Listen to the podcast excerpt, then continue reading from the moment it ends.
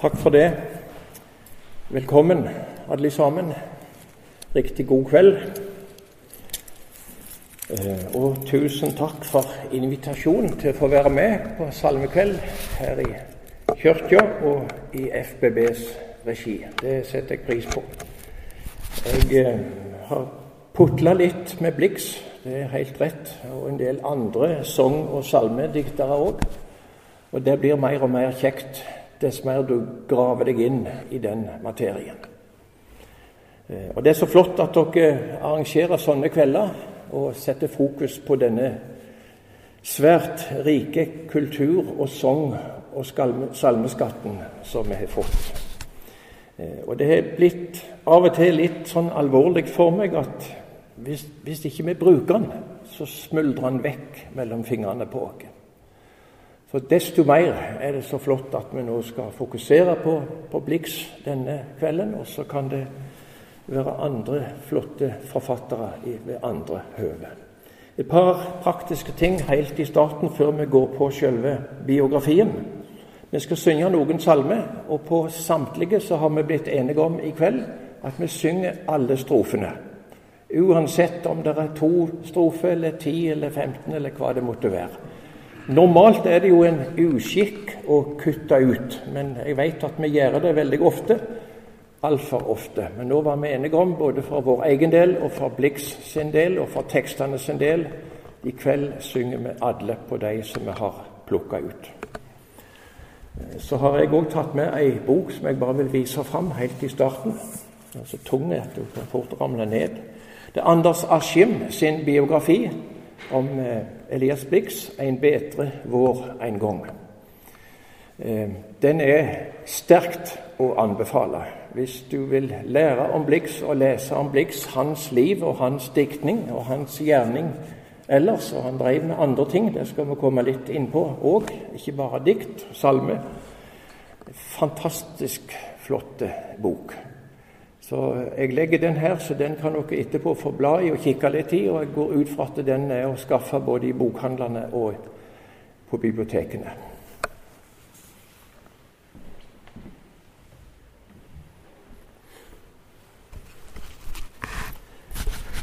Hvem var Elias Blix? Og hva var det som gjorde, eller hvordan bar det til at han ble en sånn språklig salmereformator? Jeg skal prøve å gi et lite svar på det i løpet av denne, denne kvelden. Vogga hans den sto på en gard som heter Våg i Gildeskål i Salten. Han var født nesten på denne datoen, men 24. februar for så lenge siden som 1836. Han fikk leve i 66 år. Foreldrene var gardbruker Peder Kristoffersen og mor Margrethe Kristoffers datter. Faren drev med fiske òg, i tillegg til småbruket sitt. Det var jo ganske vanlig kombinasjon den gang, og det er i en viss grad i mange deler av landet fortsatt. Men når en studerer fødselstall og dødstall på alle disse, så ser vi at veslegutten Elias var bare tre år da faren døde, omkom på sjøen. Det var et hardt slag for veslegutten og for mora og for familien i det hele. Og det kom til å prege han. Det ble ellers sagt om eh, Blix-familien at den vesle gården som de hadde tett oppunder fjellet Sandhornet, det var en av de, både de fineste og de, en av de beste i området der. Og denne mektige naturen som Sverre Langeland allerede har nevnt, den kommer jo òg til å prege Blix i hele hans liv og hele hans diktning.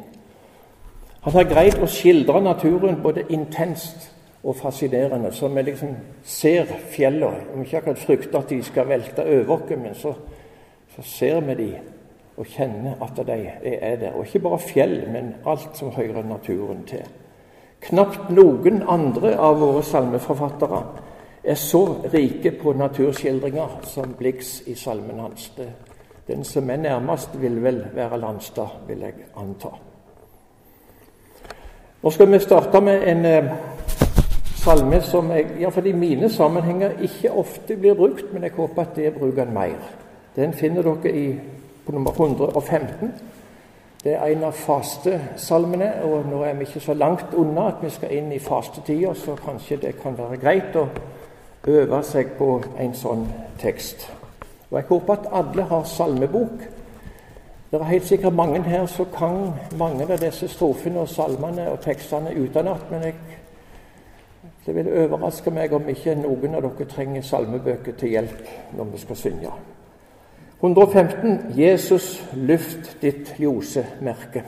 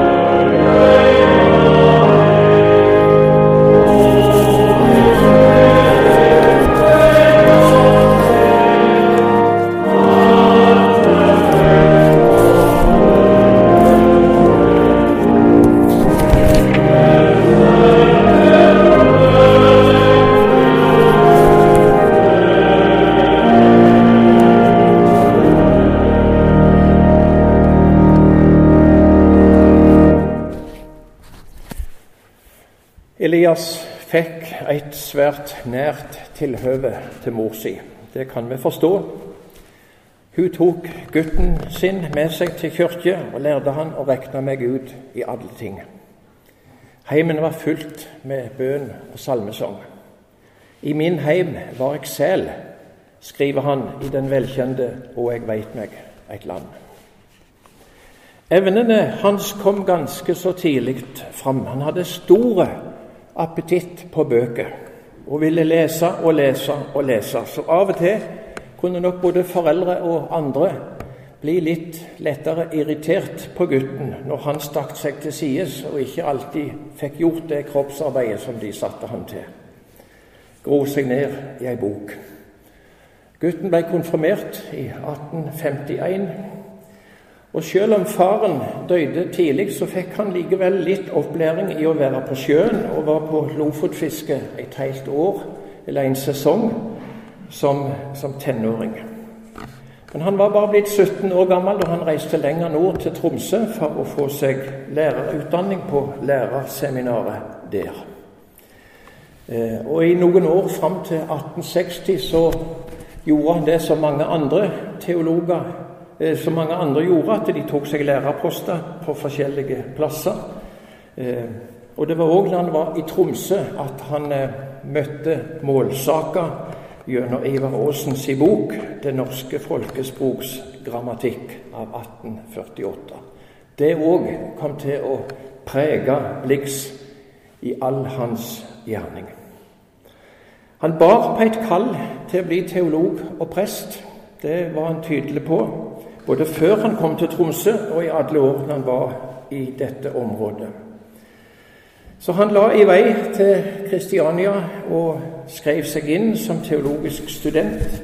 Gjorde det godt. Han fikk toppkarakter, vel omtrent i alle fag, og gikk ut som kanteol i 1866 med laud.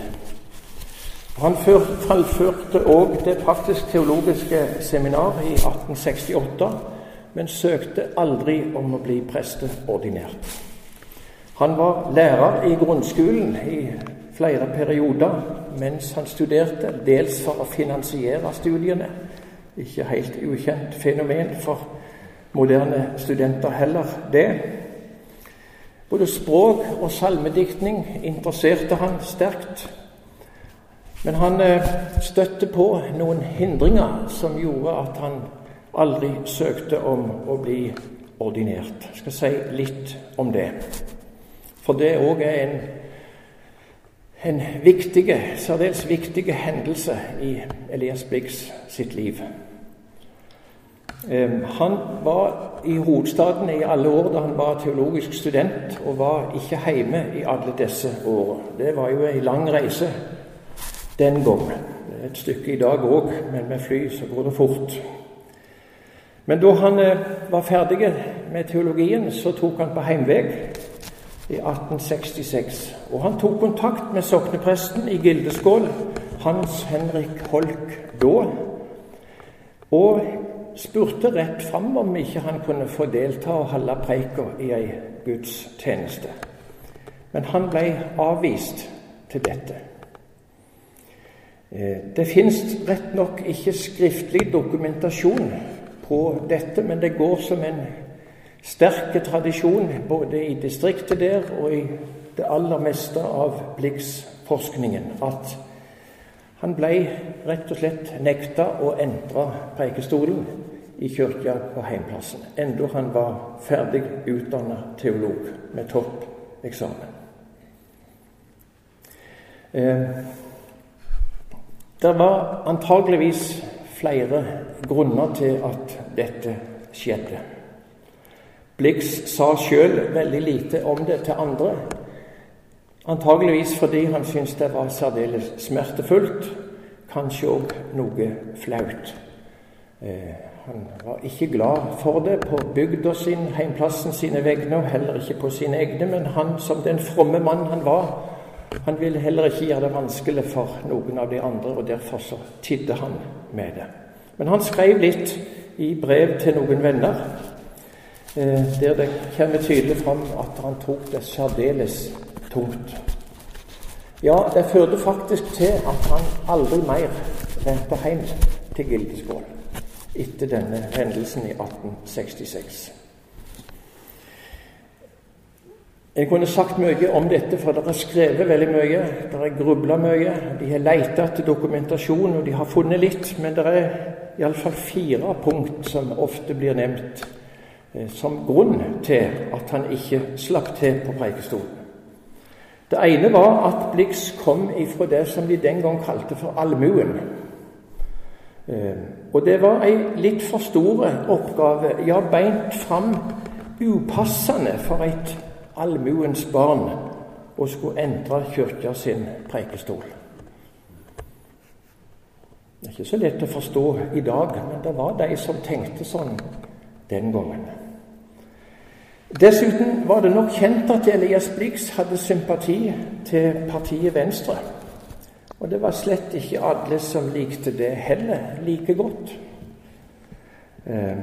Og En tredje grunn eller tradisjon nevner at denne soknepresten da han hadde hatt noen kontroverser med Blix sin stefar i heradsstyret. Eh, for mor til Elias ble gift på nytt, og denne stefaren til Elias var da politisk engasjert og hadde da kollidert litt med soknepresten i heradsstyret. Det fjerde grunnen, og kanskje det viktigste, det var at både soknepresten og mange med han mente at hvis en skulle entre preikestolen, så skulle en nytte det språk hvormed Vår Herre talte med Moses på Sinai bjerg, nemlig det pure, rene riksmål.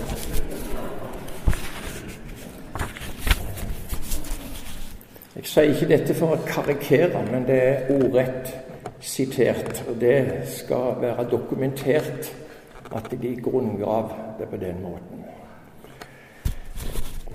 Det er mye som kan være galt i denne verden, men det er på noen områder òg stor framgang. Eh, det språklige er en av dem. Som sagt, etter dette kom Elias Blix aldri mer hjem til Gildeskål. Og vi trenger ikke ha stor fantasi for å forstå at det må han ha opplevd særdeles sårt. Så gifta han seg i 1871 med Emma Alvilde Marie, født Hansen. Hun var 12-13 år yngre enn han.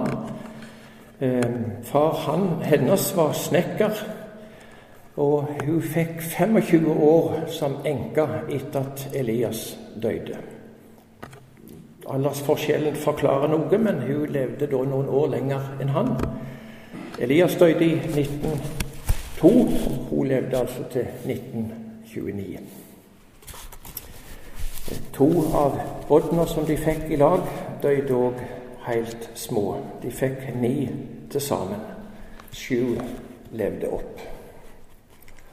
Som helt nygift, mens de enda venta det første barnet, så fikk han stipend til språkstudium utenlands. Og denne vesle familien, som da økte fra to til tre, Akkurat da da var de i Leipzig, der han arbeidet med semittiske språk og gammeltestamentlig teologi. Og vel tilbake igjen i heimlandet så fikk han stilling som universitetsstipendiat, og i 1876 var han ferdig med doktorgradsarbeidet. Eh, og Det er sagt om Blix at han satt inne med enorme kunnskaper i de fagområdene som han jobba med og Likevel er det òg sagt om han at han ikke kom til å utfolde noen stor vitenskapelig produksjon. Og til det så er det nok slik at både det politiske engasjementet og salmediktninga og kanskje òg en nokså stor familie tok tida og kreftene og oppmerksomheten. Doktor, doktorgradsavhandlingen den heter de viktigste, 'De viktigste uttrykk for begrepene herre og fyrste i de semittiske språk'. Et bidrag til semittisk etymologi. Og Der søker han å finne de opprinnelige meninger av to, disse to ordene og følge dem fram etter i språkhistorien og eventuelt kunne påvise om og når og hvordan de skifta mening. Jeg har nok aldri lest denne doktorgradsavhandlingen. Den går nok en god del hakk over det som jeg er forutsetning for. Og Det er òg sagt om Blix sitt vitenskapelige arbeid at det ga egentlig ikke veldig mange nye impulser til forskningen på de områdene som dette gjaldt. Eh, det får være litt om akkurat om den sida. Nå har jeg lyst til at vi skal synge igjen. Og jeg har valgt ut en av pinsesalmene som jeg syns er fantastisk flott både i tekst og melodi. Den er litt friske og flotte på 235. Kved opp Guds folk. Og som sagt alle strofene. To, tre, fem. Vi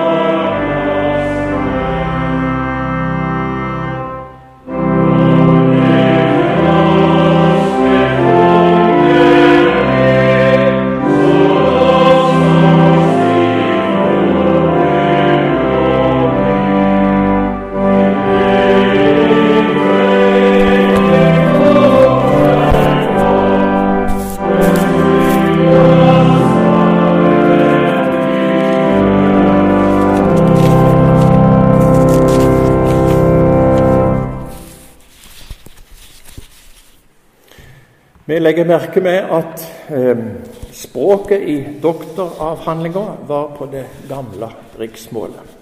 Nå er vi i 1876. Eh, og Blix trengte mange år før han var klar til å stige fram som den nynorskmannen han egentlig ble allerede i Tromsø. Eh, det mange ikke visste, det var at han allerede da, i 1876, for flere år siden, 1869, hadde gitt ut et hefte med 13 salmer. Anonymt. Ni av de var omsette, og fire hadde han skrevet sjøl. Og Det er i dette første heftet som han ga ut, at vi finner nyttårssalmen 'Gamleåret sig seig i hav', bl.a. Det norske samlaget var utgiver det var skipa året før, 1868, og Blix var da medlem i det aller første styret der. Og I 1870 kom det andre heftet i denne serien, med 27 salmer.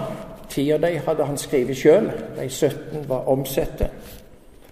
Eh, tredje heftet kom i 1875, ett år før doktorgradsavhandlinga, eh, som altså var da på riksmål. Og I dette tredje heftet var det 17 salmer. 14 av disse var originale fra Blix sin hånd. Og i dette tredje heftet finner vi mange av de som vi kanskje nå tenker er de mest kjente, som 'Med Jesus vil jeg fare', 'Nå kommer Guds engler', og 'Nå livner det i lunder'. Men dette tredje var òg anonymt. Tida var ikke mogen for at nynorsken hos Blix kunne slå ut i full blomst. Jo, den hadde jo gjort det i det han skrev, men utad sto han ikke ved at han var nynorskmann fra innst til utst. Men det kom. I 1879 ble han utnevnt til professor i hebraisk ved Universitetet i Kristiania. Og som lærer ved universitetet var han høyt skatta. Allerede da han kom til Kristiania i 1859 og skrev seg inn som teologisk, teologisk student, så ble det ofte registrert at han dukka opp i Stortinget. Eh, han var interessert i det politiske livet. Han hadde mange som han kjente og ble kjent med. Og det var nokså tydelig at han hadde sympati med Venstre. Han opplevde at hans egne saker ble best tatt vare på i det partiet. Og han ble lagt merke med. Og faktisk da Johan Sverdrup skulle danne regjering i 1884, så ble han spurt om å bli kirkestatsråd, og han takka ja til det. Og det ble fire svært krevende og lærerike år fram til 1888. Utover denne fireårsperioden så kan en vel ikke si at Blix har sett politiske spor etter seg. Men det ble sagt om han at han styrte departementet med faste og stø hand, og han ble møtt med store tillit. Historikeren Ernst Sars sa om han at han er kjent som en sitat, mann hos hvem politisk frisinn og religiøs fromhet og rettroenhet fantes forenet på en sjelden måte. Blix var ansvarlig statsråd for et språkpolitisk svært viktig vedtak i 1885, det som senere er blitt kalt for jamstellingsvedtaket. Dette politiske vedtaket jamstelte landsmålet med det alminnelige skrift- og bokspråk som offisielt språk i Norge. 1885. Selv om ikke alle var like glade for dette vedtaket, jeg kan på si korkje den gangen eller enn i dag, så sto det der, og det ble ei forplikting for kirka, for skolen, for næringsliv, for samfunnsliv. 100 år etterpå, 12. mai 1985, var det representanter fra styret i Norges Mållag som kom til Stortinget med et flott maleri av Elias Blix som de ga i gave for å minnes han som var ansvarlige eller opphavsmann for jamstillingsvedtaket 100 år før.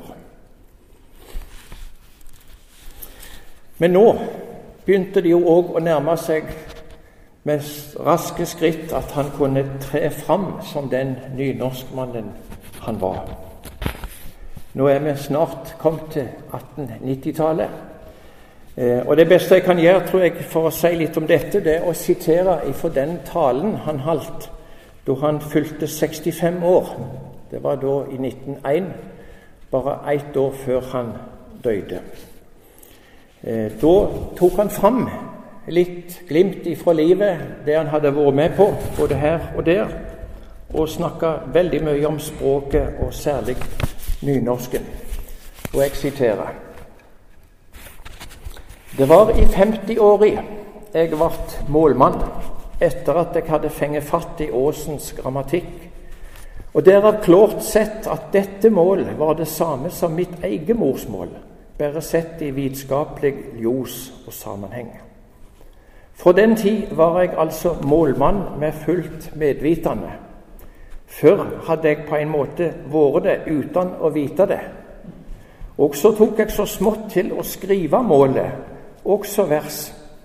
Jeg hadde vel alt før prøvd med dansk-norske vers, men det ville ikke gå. Men på målet gikk det snart som av seg sjøl.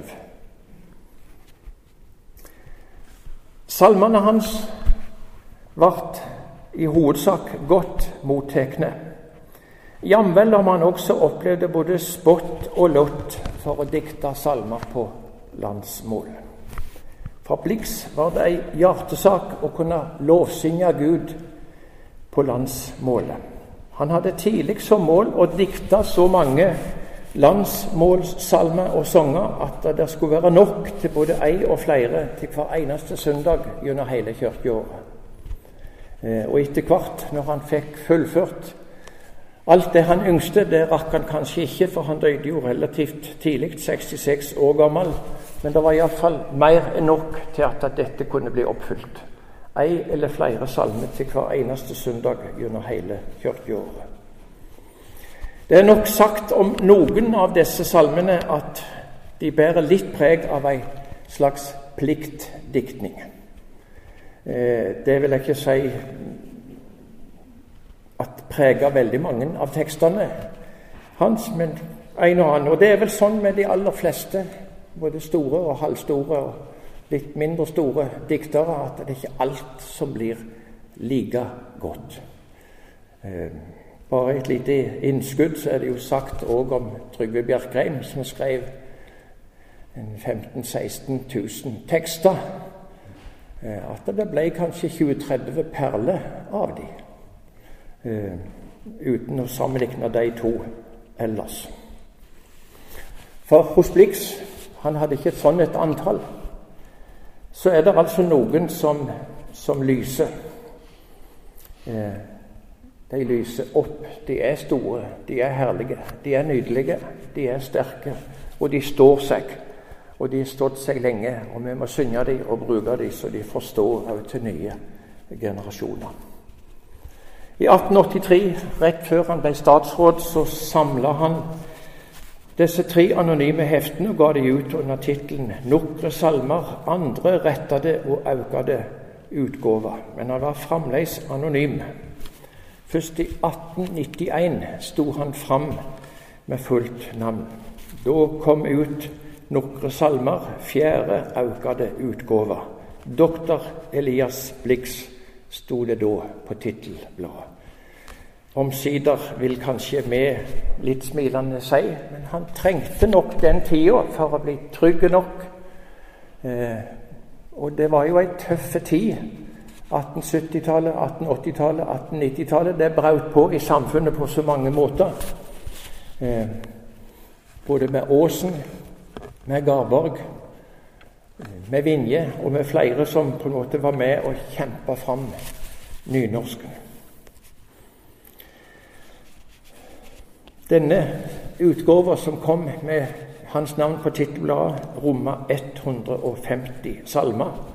86 av dem hadde han skrevet sjøl, og de øvrige 64 var omsette. Og her var det altså da mange nok, og vel så det, til at han kunne plukke ut ei og to for hver eneste søndag og høytidsdag gjennom kirka. Og nå, dere, nå har jeg funnet fram den eh, som òg ga navn til Anders Askims bok 'En bedre vår en gang'. Det er jo henta ifra ja, skal vi si kronklassikeren 'Nå livner det i lunder'. Eh, vi kunne ikke ha Blikskveld uten å synge den. Det vil være iallfall min mening. Det er nok kanskje flere som tenker at Blix, det er noe livner det i lunder'. Ja, det er det. Og mye mer. Mange flere. Eh, og hvis vi hadde kutta noen strofer i den, så er det på grensen til at jeg ikke ville kalt det for maltraktering. For den henger i hop. Vel, det går an å synge disse fire strofene som vi ofte gjør, men du mister så mye på veien. For her er det både natur, her er det vår, her er det kirke, her er det folk, og her er det pinse. Det er en fantastisk flott fusjon av alt dette i denne salmen. Og det er bokstavrim og enderim, så det er en fryd å lese og synge. Nå livner det i lunder, samtlige strofer. Ta godt i. Åtte, fire, fire.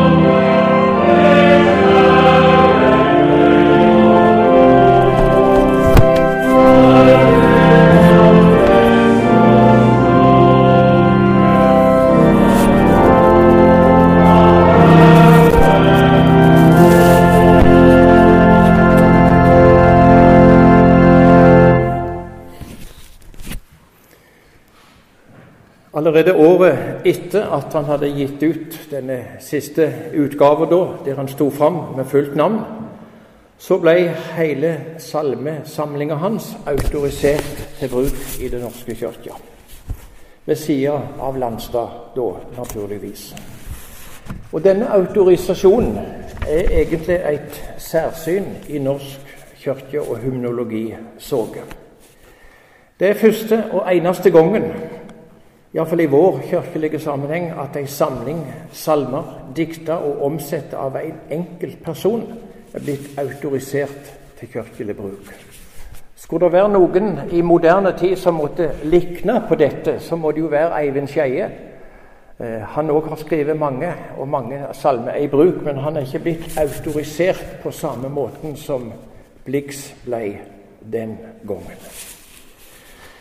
Eh, og òg etter denne autorisasjonen så kom det nye salmer fra Blix si hånd. I 1900 et hefte med 50, 50 tekster. Av disse var 44 originale og 6 omsette.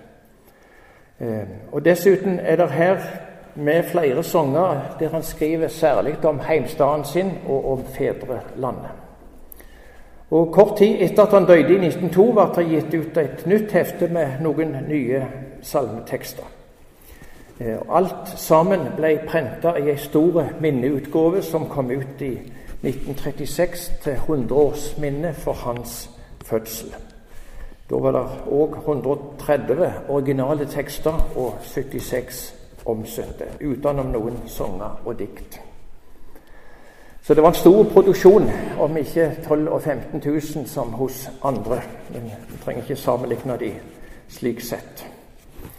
Eh, salmekjenneren Paul Emil Runding eh, har sagt dette om Blix og salmediktninga hans.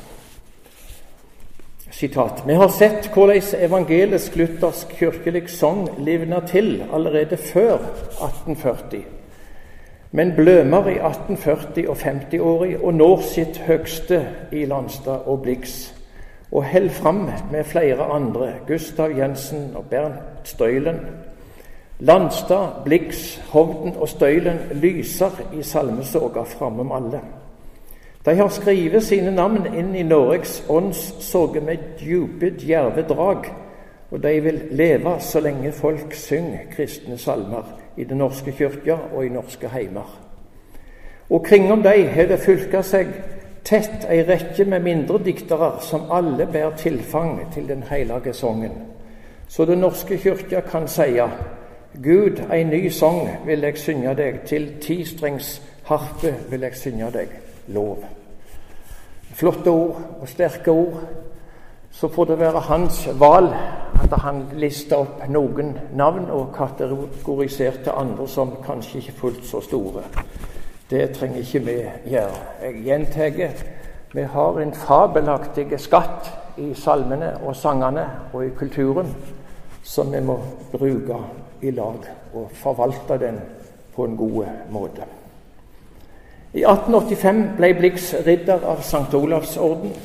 Året etterpå kommandør av Nordstjerneorden. I 1887 medlem av Vitenskapsakademiet, og i 1900, to år før han døde, kommandør av St. Olavs orden. Og Det viser jo disse, all denne hederen som han ble han til del, eh, at han ble høyt akta av sin samtid. Han var venn både med Ivar Aasen og Åsmund Olavsson Vinje, det kan vi jo forstå. Eh, og hele sin tid holdt han seg egentlig til Åsen-normalen når det gjaldt de språklige formene. Men han hadde òg veldig god kontakt med Magnus Bråstrup Landstad. De var jo eh, salmefornyere begge to, om enn de kunne være uenige om et og annet. Men det å fornye salmene, det brant de for, begge to. Og Blix kjente også godt og hadde nær kontakt i perioder iallfall med Arne Garborg. Eh, han bodde òg i Kristiania mange år ved siste del av 1800-tallet. Og Disse to karene møtte hverandre òg, og de lærte hverandre å kjenne, en så ulike de var. Men de hadde stor respekt for hverandre. Det er sagt om Blix at han i en periode var nær ved å gi opp sitt salmeforsett. Men han ble mange ganger oppmuntra til å fortsette av nettopp Åsen og Vinje og Landstad. Eh, for det var ganske mange innvendinger mot alt dette nå. Dette gudelige som skulle da kles i nynorsk språk, og som alle ikke takla. Nynorsk ble av mange regna som annenrangs. Et ringere mål. Fjøsmål var det noen som kalte det. Ja, jamvel et ugudelig mål. Det var bespottelig å nytte et sånt mål når en skulle be og tilbe i Guds hus, kunne det vært sagt. Eh, mange av de mer politisk radikale nynorskdikterne i samtida kunne nok være relativt kirkekritiske. Og Slik sett var vel kanskje Elias Blix et aldri så lite unntak. Eh, men kombinasjonen av hans syn for norskdom og nynorsk språk gjorde altså at han kjente seg best hjemme i det politiske partiet Venstre. Og Det er sagt at det var, iallfall på den tida, jeg skal ikke si noe om dagens situasjon, at det neppe var veldig mange av den samme fromme og gudstruende typen som Blix i dette partiet. Det er òg blitt sagt om Blix at eller fortalt om Blix og Vinje at Vinje hadde to store planer å omsette Homer og Bibelen til landsmål. Men når de to ble kjent, Vinje og, og Blix, og Vinje etter hvert forsto hva kapasitet han hadde å gjøre med i Blix, så sa han nå tar du Bibelen, så tar jeg Homer. Eh, og Det skal jeg kanskje si bitte lite grann om, men nå skal vi, om ikke akkurat skifte gir, nå skal vi se litt på fedrelandssalmen. Den òg må vi ha med når vi skal ha Blix-kveld. Og i dag, spesielt i dag, fordi det er 21. februar, og når vi skal synge denne salmen om litt, jeg skal si litt om den, så sender vi varme og gode tanker til vår kjære kong Harald, som fyller 85 år i dag. Og vi skal stå når vi synger den salmen. Det høver seg. Men jeg har lyst til å si litt om den, fordi den, er, den har en veldig spennende og fascinerende tilblivelseshistorie. Det ble et langt og tungt bokmålsuttrykk. Det er forska veldig mye på bare på, på, denne og hvordan den ble til, og det kunne vi sikkert hatt en lite foredrag om bare det. Eh, men iallfall så går sporene tilbake til februar 1889. Eh, da er det blitt skrevet at Blix kjente seg litt sånn svekka og litt sånn utmatta etter statsrådperioden, så han var i rekreasjon i Lillehammer. Og Der fikk han fatt i et par lokalaviser, og så kom ånden over han, og så måtte han skrive. Og da var det altså den første råkladden til Fedrelandssalmen han skrev på baksida av ei lokalavis, der det var annonser, både dødsbo og lysinger av hus for salg og litt ymist annet. Men så er det andre som har problematisert dette. De mener at det er grunner for å hevde at Blix var ikke i Lillehammer i februar 1889. Og Det har vært mye att og fram, jeg skal ikke gå inn på det. Men forklaringa er kanskje, eller sannsynligvis, at han fikk låne ei lokalavis av Mathias Skar, som hadde tatt avisa med seg fra Lillehammer til Kristiania når disse to karene og andre med møttes for å arbeide med omsetning av Det nye testamentet til nynorsk. Så forklaringa er antageligvis at han har fått fatt i ei lokalavis av Mathias Gahr, og at han har skrevet på baksida av den, det er dokumentert. Men ikke på Lillehammer, men hjemme i Kristiania. Det andre som er litt spesielt, det var at han, mens han arbeidet med denne teksten, så var det ei stund at han brukte forma 'Gud signa vårt dyre fedreland'. Altså fortid altså en mer deskriptiv form. Men det gikk han etter hvert bort ifra. Jeg tror òg jeg har lest at han fikk det råd om å endre det til Gud signe. Og dermed så endrer på en måte hele teksten litt form og blir faktisk en bønnesalme. Gud signe vårt dyre fedreland. Hopper vi fram til Olsok 1897, så ble denne salmen brukt ved en stor konsert i Nidarosdomen. Eh, og Nå er vi altså da på 1890-tallet, og hvis vi bare tenker litt etterpå den politiske situasjonen da, så var den ganske anspent i Norge og Sverige. Vi var jo fortsatt i union. Og det begynte liksom med brytninger på den tida, fram mot 1905, husker vi. Så det til å synge disse sterke fedrelandssalmene, det var ikke uten videre uproblematisk i en del sammenhenger. Men den ble altså satt opp ved Olsok-konserten i Nidarosdomen. Og Der var Bjørnstjerne Bjørnson til stede.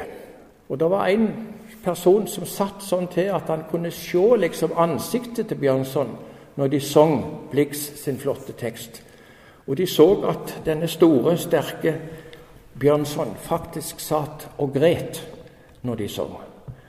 Eh, og alle som har granska borti dette, de mener at det må være selve teksten og selve stemningen omkring den som på en måte løste tårene hos Bjørnson. Ikke at det var andre personlige forhold som var tungt for ham. Det kunne det vært.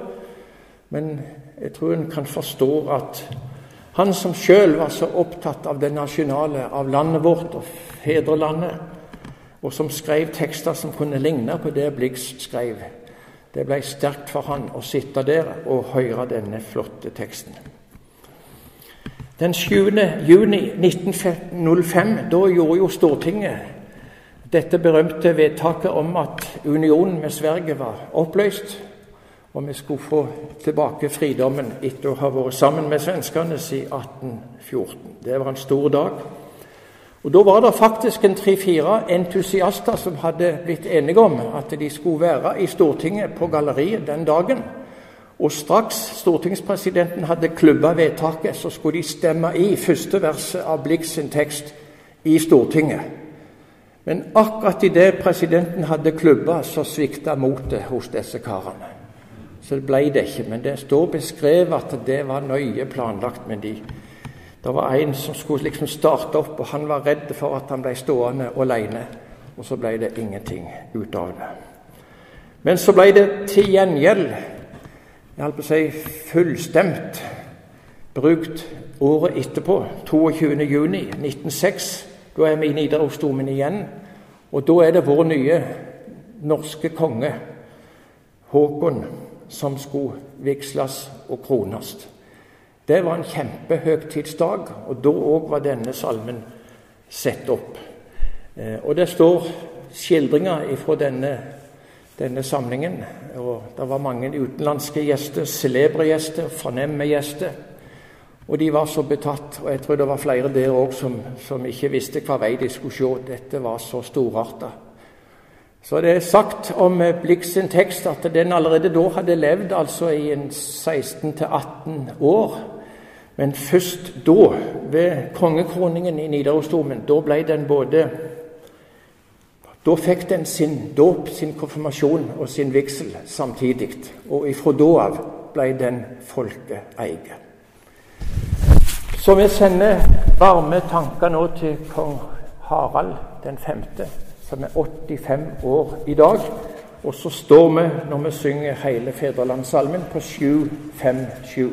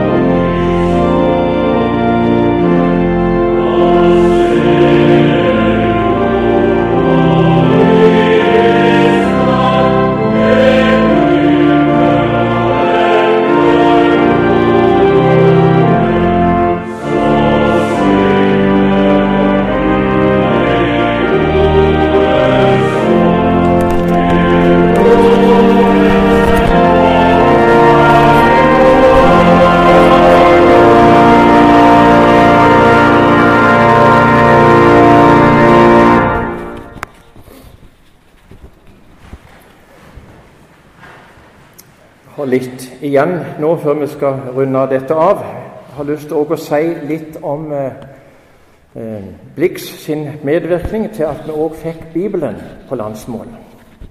For han var mer eller mindre ansvarlig òg for det. Og når en sier det på den måten, så er det fordi at her skal både ære og ansvar nyanseres og fordeles. For det var mange som var med i denne prosessen. Nytestamentet på nynorsk ble gitt ut av Bibelselskapet i 1890. Men Blix hadde arbeidet med ei prøveomsetning av romerbrevet allerede i flere år før det. Den kom ut i 1882. Eh, det var Blix som sto bak, men også den var anonym, sånn som sangene var i mange, mange år. Men da komiteen som skulle arbeide med omsetning av hele Det nye testamentet, ble sett sammen, så fikk Blix sin naturlige plass.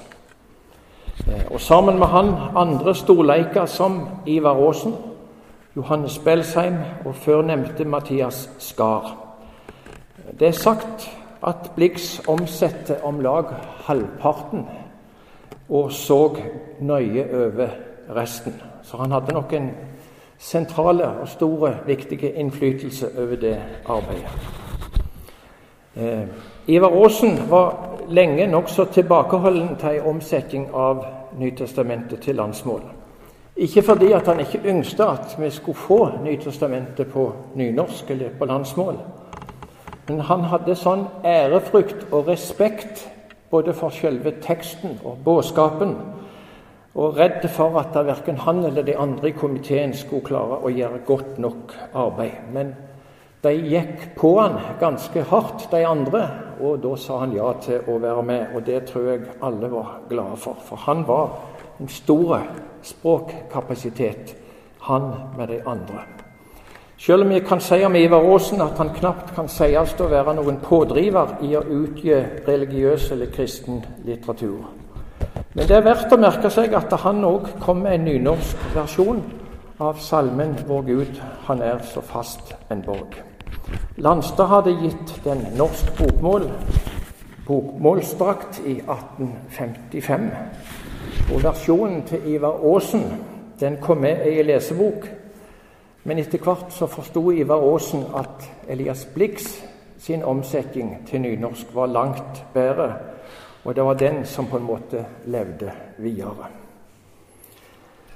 Når det ellers gjelder hele, det å få hele Bibelen omsett til landsmål, så skulle det gå nærmere 50 år etter at nynorsk utgave av Det nye testamentet kom ut. Men det er ei anna såge. Ei anna og spennende såge. Det er det ikke plass til å si mer om her. Det er som salmedikter at vi tenker på Elias Blix, som vi forbinder Elias Blix med nå. 120 år etter at han døde. Han gjorde en stor innsats som språkforsker, professor, universitetslærer, bibelomsetter og politiker. Men ingenting kan måle seg mot den innflytelse han fikk bringe videre som salmedikter. Einar Økland har kalt han for en ordets sølvsmedkunstner. Det er et flott uttrykk. Salmene er formsterke og slitesterke og fast knyttet til høgtidsdager og festdager. Samtidig som han på en mesterlig måte kan fokusere på hverdagen sin storhet, like mye som det høye og det hellige ved helga. En kjenner salmene og innholdet i dem igjen, selv om en ikke alltid skulle vite at det er Blix som er forfatteren. Han er nokså sparsom med å legge inn egne personlige erfaringer i tekstene sine. Derimot er han veldig raus med den nordnorske naturen. Og han deler rikt med oss som leser og synger, av den rolige og trygge og dype trosvissa. Salmene hans formidler fellesskap og høgtid, og de er rike på vellyd, er det blitt sagt. En finner en del oppattakinger, gode enderim, bokstavrim og mange andre effekter som gir både estetisk glede, ja, nyting, når en leser og synger. Og han er òg en av svært få diktere fra Nordland, eller Troms òg, som har blitt nynorsk klassiker. Det er ellers sagt om Blix sine salmer at med svært få unntak kan det siste verset i salmen høve ved gravferd. Han er trygg i den kristne vona. Og salmene har røtter tilbake til den folkelige kristendomsforståinga og til Pontoppidan og til pietismen. De fleste salmene har utprega bibelsk farge. Det er sagt om Brorson at han sang inn det som Pontoppidan forklarte. Noe av det samme kan vi trygt si òg om Elias Blix. Nå har jeg funnet fram til slutt, iallfall med det jeg skal si, eh, en av kveldssalmene. Det er nok kanskje ikke den som her i Bergen bruker oftest, men det er en av de flotte som jeg er veldig glad i. 821, og der skal vi bruke A-melodien. Og jeg forsto av organisten her Flott spill. Det er jo en fryd å synge når vi har sånn et akkompagnement. Eh, at det var A-melodien som var mest brukt, og det er vel kanskje sånn for dere òg når du hører melodien og synger, at det, det, er den varianten vi er mest fortrolige med. Nå soli bakom blåe fjell sitt ljose andlet gjøymer. Da takker jeg for merksemda.